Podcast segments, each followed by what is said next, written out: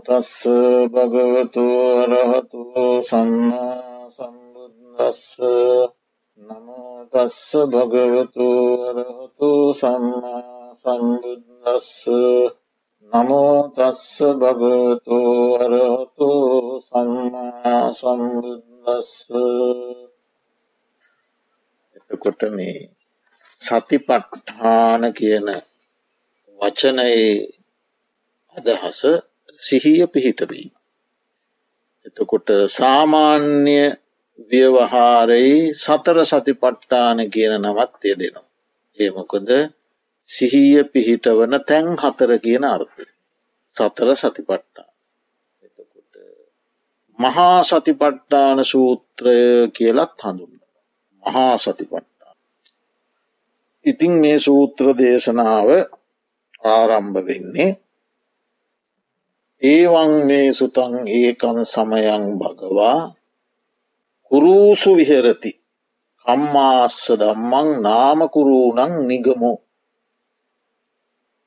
ආනන්ද ස්වාමීන් වහන්සේ මහරහතන් වහන්සේ එදා ප්‍රථම ධර්ම සංගහායනාව අවස්ථාවේ තවත් හාරසි අනූනමයක් මහරහතන් වහන්සේලා ඉදිරියේ මේ සූත්‍ර දේශනාව තමන් වහන්සේ ඇසූ පරිදි සංඝායනාවට භාජනය කළා. ඒවන් මේ සුතන්. මා විසින් මෙසේ අසන ලදී. බුදුරජාණන් වහන්සේකින් අහපු විදිහ කියන්නේ දැම. මා විසින් මෙසේ අසන ලදී.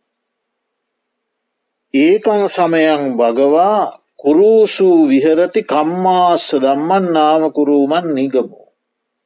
එක් සමයෙක්කි එක් සමයෙක්කි භාග්‍යවත් අරියත් සම්මා සම්බුදුරජාණන් වහන්සේ කුරු රට කුරු ජනපදවාසීන්ගේ කම්මාස්ස දම්ම නම් වූ නියම් ගමේ වැඩවාසය කරන සේක. යානන්ද ස්වාමීන් වහන්සේ මේ මාතෘකාව තබනොම සූත්‍රයමෙන් මෙහෙමයි. තත්‍රකෝ භගවා බික්කු ආමන්තේසි. එහිදී වනාහි ඒයන්නේ කුරු ජනපදවාසීන්ගේ කම්මාස දම්ම නියම් ගමේදී එහිදී භාග්‍යවතුන් වහන්සේ මහනිනී කියලා භික්‍ෂු මහා සංගරත්නය ආමන්ත්‍රණයකුට වදාලා.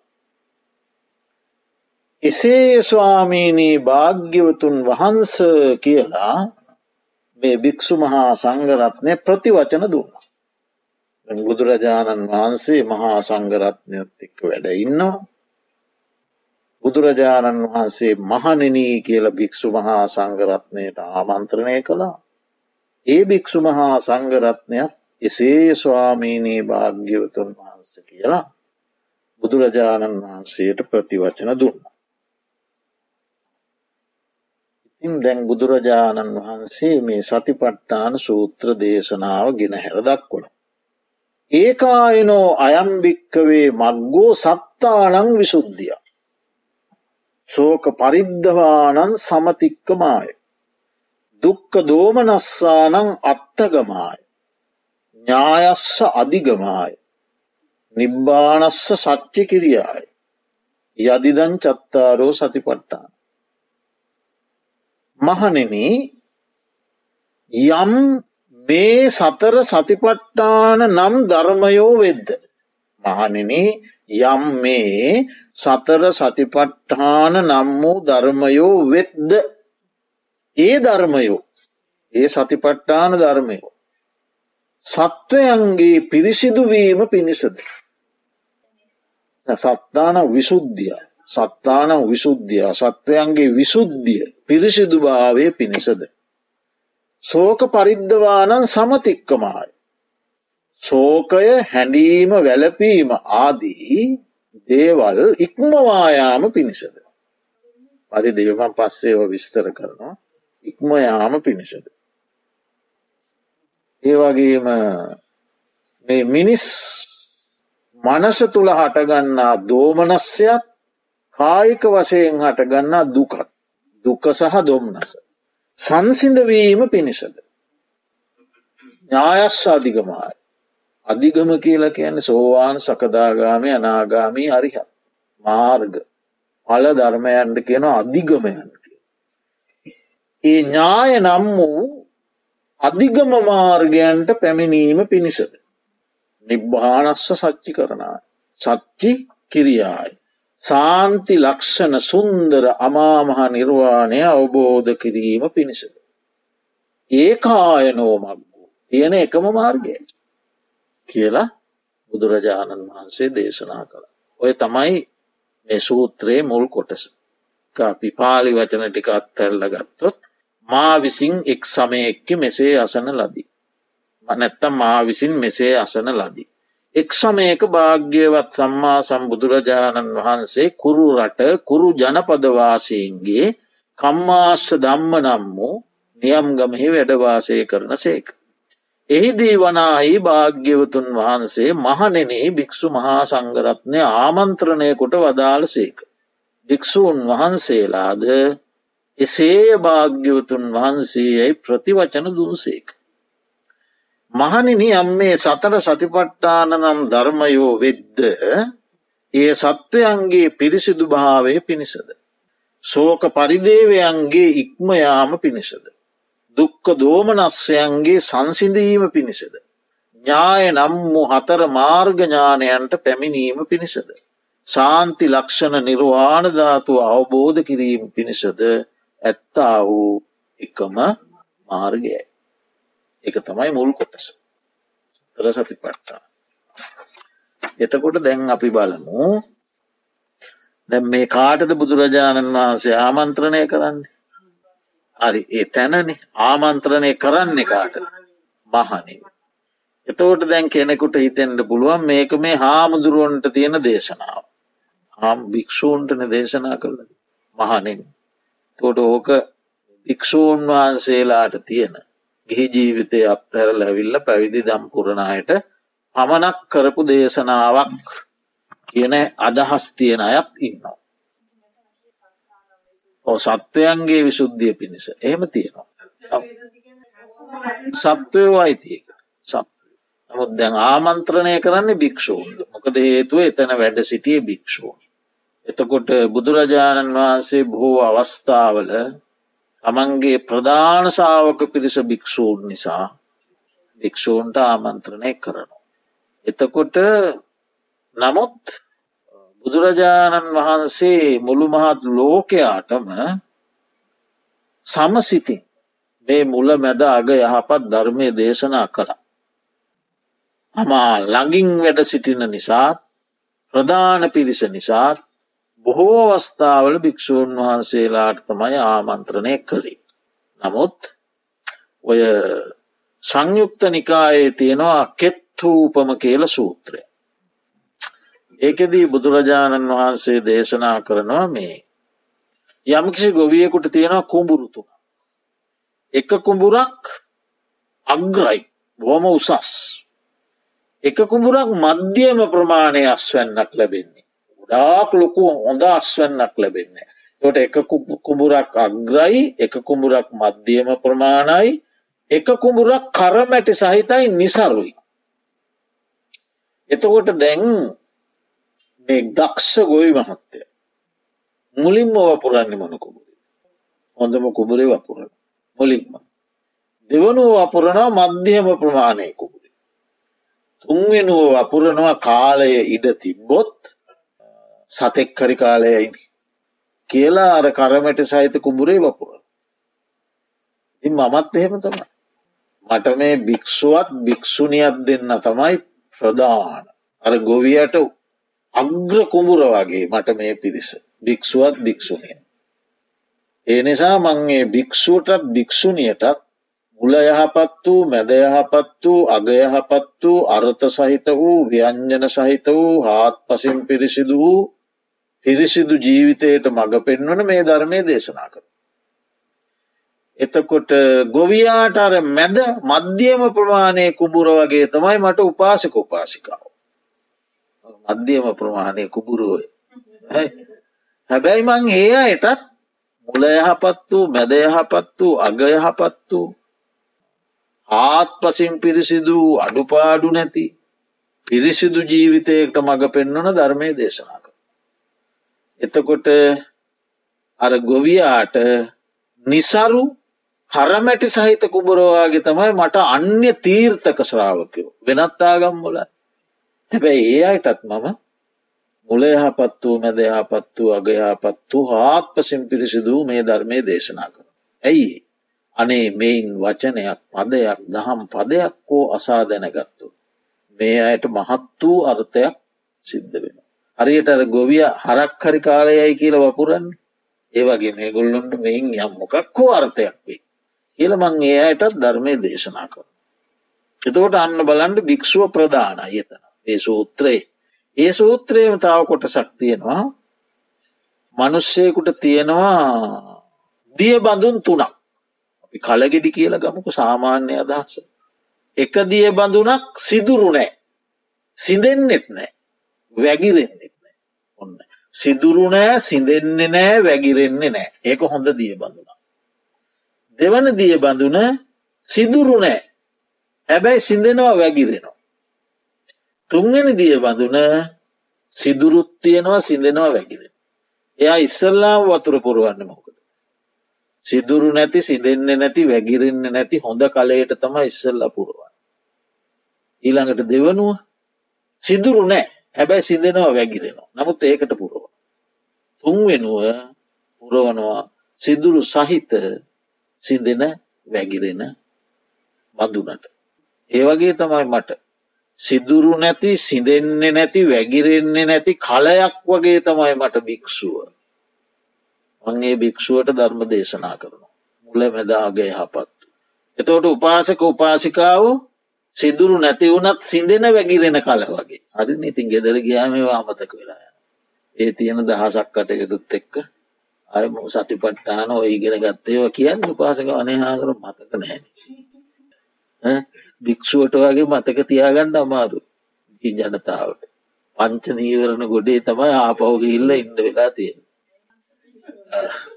ඒ නීවරණත් එක්ක බැඳී කටයුතු කරනකොට මේ ඉගෙන ගත්ත දේවල් මතකයෙන් ගිලිහි යන.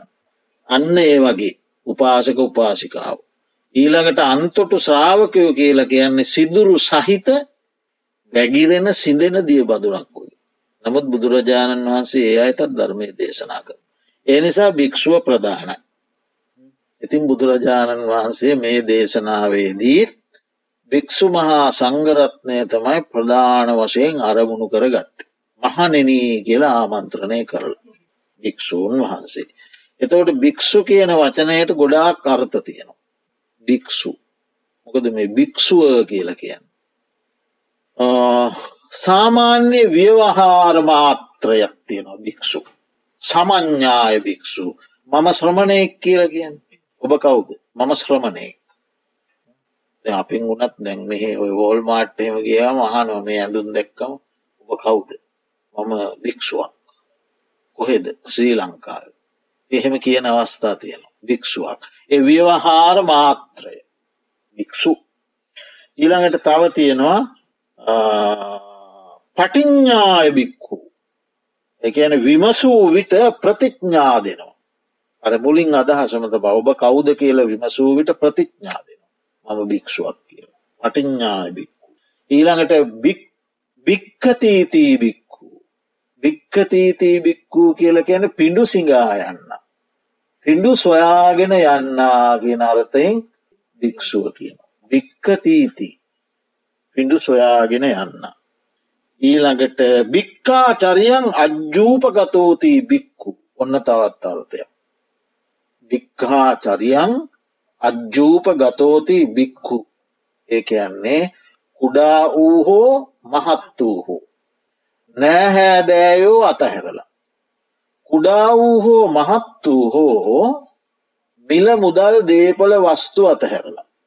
හරි අතහැරලා සීසෑම් වෙළහෙළදාම් ආදී කටයුතු අතහැරලදාලා ඒ තමන් ජීවිතය පවත්වා ගණ්ඩ කරපු ගොවිතැන් වෙළහෙළදාම් ආදී කටයුතු අතහැරල දාලා. සසුන් ගත වෙලා. ගේ ජීවිතයේ තිබුණ බැදීම් අතහැරල සසුන්ගත වෙලා අනුන් අයත් පැවතුම් ඇත්තේ. ඒ කියන්නේ අනුන්ගින් ජීවත් වෙනවාගේ අනුන් අයත් පැවතුම් ඇති. ජීවිතය පවත්වන්නේ අනුන්ගේ ළඟට ගෙනැවිත් දුන්නා වූ දානය හෝ ගෙපිළිවෙලින් පිඩිසිගායමින් හෝ යැපෙන. අන්නේ නිසා භික්‍ෂූ කියලකි. ගේ ජීවිතයේ සිදුම් බැදුම් අතහැරලදා ලැවිල්ල අනුන්ගෙන් යැපෙන නිසා භික්‍ෂුව කියලකිය. ඊළඟට බින්න පටදරෝතී බික්කු බින්න පටදරෝතී බික්කු. අගය පැහැය ස්පර්ශය වෙනස් කරපු වස්ත්‍ර දරන්න. අගය වෙනස් කලා පැහැය වෙනස් කලා ස්පර්ශය වෙනස් කළා. එකන ඉතා වටිනා වස්ත්‍රයක් වුණත් කැබලි කැබලිවලට කපනවා. කැපුයම් පස්සේ අගය නැති වෙලා. සිවුරක් කියන්න එහෙම දෙයන්න. රෙදිමීටර් නමයක විතර වටිනා වස්ත්‍රයක් අරගෙන කෑලිවලට කපට. අගය නෑ. ඊළඟට පැහැය වෙනස් කරන්න පණ්ඩු පෝවනවා. ඔරුවක දාලා ගස්වොල කොල ගස්වොල මුල් තම්බලා ගස්වොල අරටුව තම්බලා ඒකින් හදාගන්නා වූ කසායින් වර්ණය වෙනස් කරනවා. පැහැය. ඊළඟට ස්පර්ශය. අන්න ඒ විදියට ඒවා වෙනස් කරලා. කැබලි කැබලි කොට ඒ කැබලි එක්කොට මැසූ සිවුරක් දරන්නා කියන අර්ථයෙන් භික්‍ෂුව කියන. මේ කවුද මේ දිවතු නෝනා වෙන මොකක්දෝ කල්පනාවකින්. ඕක මොකක් හරි හොයනවද මොකක් දොයන්න බින්න පටදරෝතී බික්කු. භික්‍ෂුව කියන වචනයට තියෙන අර්ථ. අර්ථ මේ කියන්න. මේක සතිපට්ඨාන සූත්‍රය අටුවාව. ඉන්න පටදරෝතී බික්කු. ඊළඟට බින්දති පාපකේ අකුසලේ දම්මේතිී බික්කු. ලාමක වූ අකුසල ධර්මයක් බිඳිනාලද බැවින් භික්‍ෂුව කියල කියනවා. ලාමකෝ වූ අකුසල ධර්මය. කොහොමද බිඳින්නේ මාර්ග පලවලින් බිදි. සතර මාර්ග ඥානයන්ගෙන් සියලු අකුසල ධර්මයන් බිදලදා. ඒ නිසා කියනවා මෙයාට භික්‍ෂූ කියලා.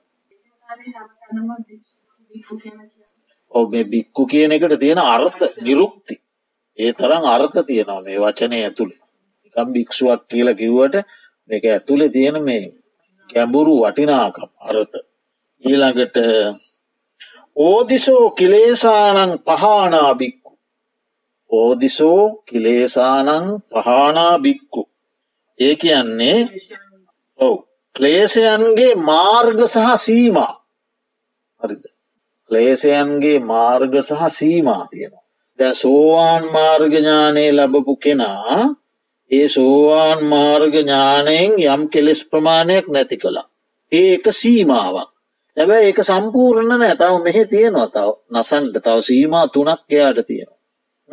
සකදාගාමි වුණාම තවත් සීමා දෙකක් තියෙන. අනාගාමි වුණාම තවත් සීමා එකක් තියෙන. රහත් වනාම සියලු සීමා ඉක්මගේ. හරි එතකොට මෙතනින් කියන්නේ යම් කිසි සීමාවකට යටත්ව කෙලෙස් ප්‍රහාණය කළ නිසා. එකවුද සෝවාන් සකදාගාම අනාගාම. එය ඇත සීමාවකට යටත්වයි ප්‍රහාණය කළේ තව තියෙනවා එයට.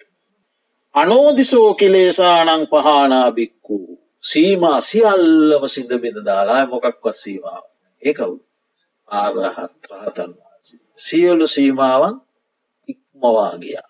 සියලු සීමාවන් ඉක්මෝලා කෙලෙස් බිඳ දැම්ම. ඊළඟට කියෙනවා සෙක්කෝ බික්කු සේක භික්‍ෂුව සේක භික්‍ෂුව කියල කියන හික්මිලා අවසන්නෑ. හික්මිලා අවසන්නේ. තව අවසංවෙන්ඩ තියෙනවා ඒ සේක භික්‍ෂුල හතක්කින්නවා. කවුද හත සෝවාන් මාර්ගය වඩන සෝවාන් පලයට පත්වන. සකදාගයාමී මාර්ගය වඩන සකදාගාමි පලයට පත්වන. අනාගාමි මාර්ගය වඩන අනාගාමී පලයට පත්වන. අරිහත් මාර්ගය වඩන. තාම තවම වඩනවා. සේක තව ඉවර නෑ. හික්මිලා අවසන්නේ. කවුද සෝවාන් මාර්ගයේ වඩන පලයට පත්තුන.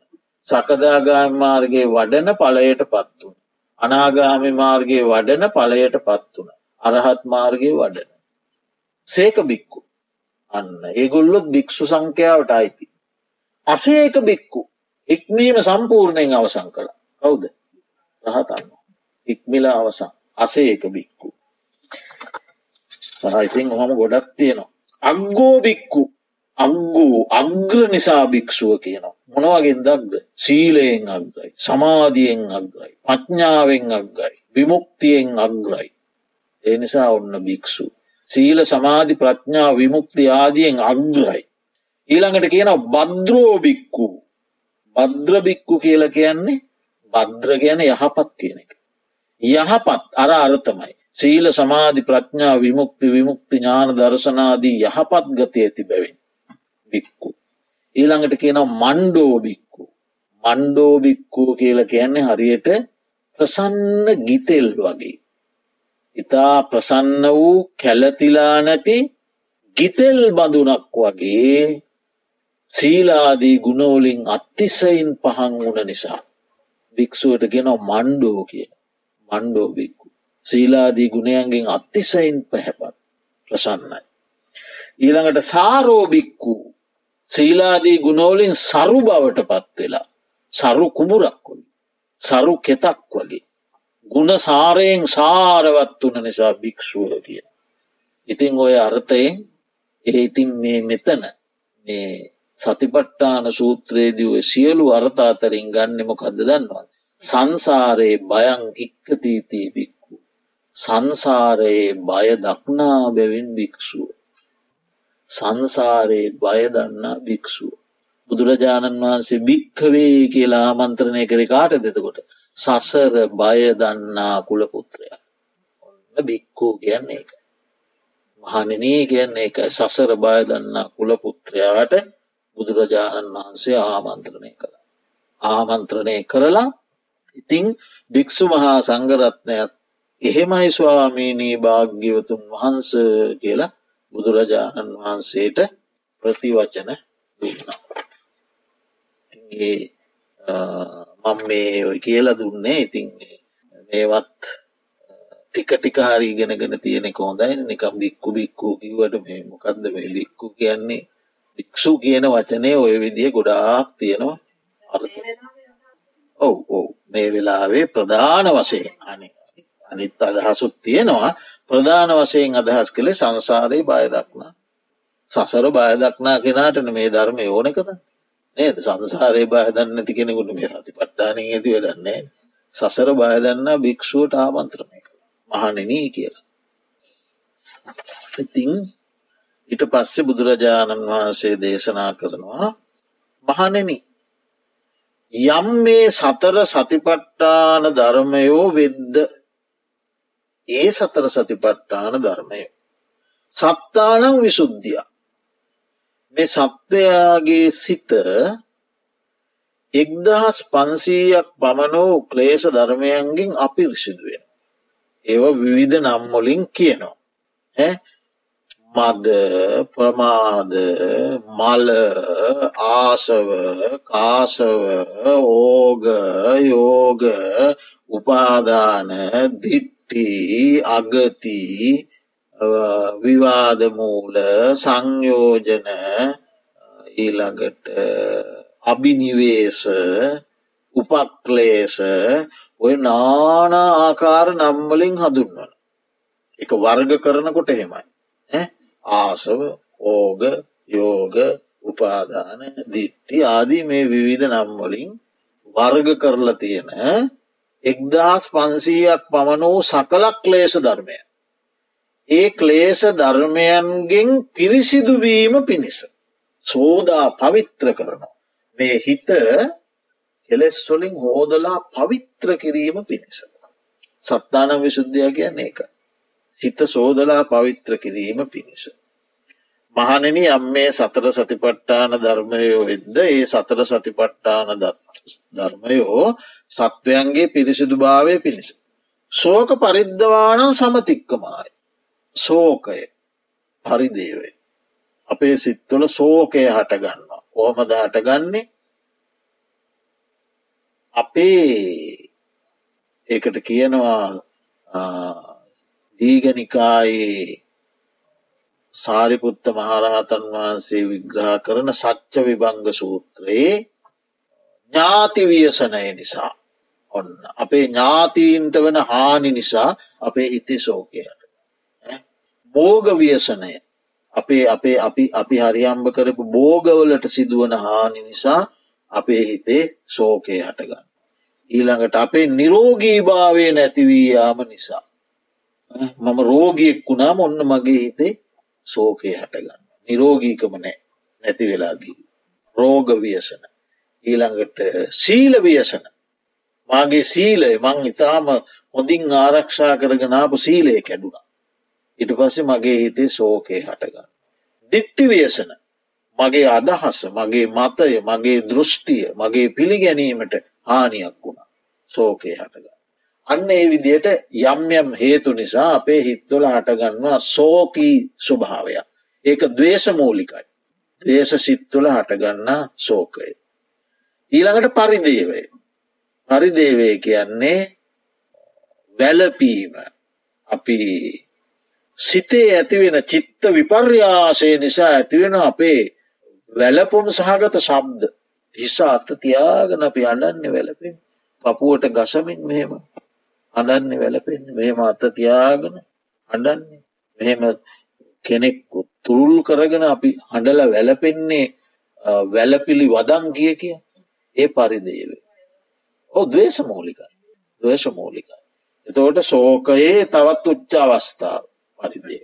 ඒ සෝක පරිදේවයන්ගේ ඉක්මයාම පිණිස. සෝක පරිදේවයන් ඉක්ම යන්නේ කොතැන්දිද. අනාගාමී මාර්ගී. අනාගාමී වෙනකං සෝකයේ පරිදේවේ තිබිය හැකි. ඔ ඉක්ම යනවා. සෝක පරිද්ධවානන් සමතික්කමා. ඉක්ම යනවා. ඒ ඉක්ම ඉක්ම යන්නේ අනාගාමී වෙන. අනාගාමි වෙනකොට දවේශය නැතිව යන. දවේශය නැතිවෙනත් එක්කම දේශයත් එක්ක බඳන ශෝක පරිදේ ඔක්කොම නැතිව. කාමරාග පටික දෙකන අනාගාමි මාර්ගෙන් නැසෙන්නේ. තෝට අන්න අනාගාමී මාර්ගයෙන් සෝක පරිදේවයන් ඉක්මවායෑම පිණිස. මේ සතර සතිපට්ටාන ධර්මය උපකාර වෙන.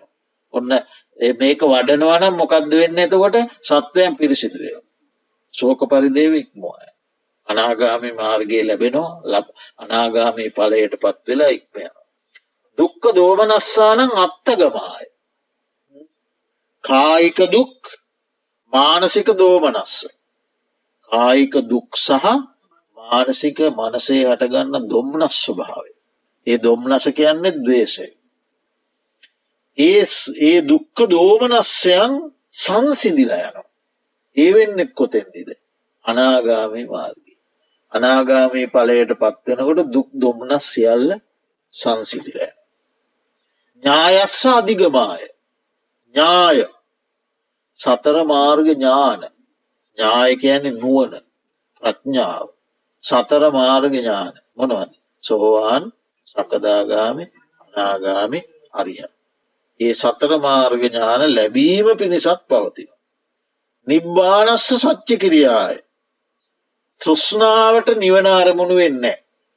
තෘෂ්ණාවට අරමුණු නොවන නිවන. ඊළඟට එකොලොස් ගිනි නිවාලන නිවන. ගිනි එකොළහක් තියෙනවනේ අපේ සිත් දවන තවන. සාක්ෂාත් කිරිය. නිබ්බානස්ස සච්චි කිරියාය. නිර්වාණය සාක්ෂාත් කිරීම අවබෝධ කිරීම පිත්ස. තෝට නිර්වාණය කියන්නේ තෘෂ්ණාවට අරමුණු නොවන එකොලොස් ගිනි නිවාලන රාගගින්න වේශගින්න මෝහගින්න ජරාගින්න ව්‍යාදිගින්න මරණගින්න සෝකගින්න පරිදේවගින්න දුක්කගින්න දෝමනස්සගින්න උපායාසගින්. ඔය කොළොස්ගිනි නිවාලනු ලබ. අමාමහ නිර්වාණය සාක්ෂාත් කිරීම පිණිස අවබෝධ කිරීම පිණිස. මොකක්ද උපකාරයෙන්. යදිදන් චත්තාරෝ සතිපට්ට.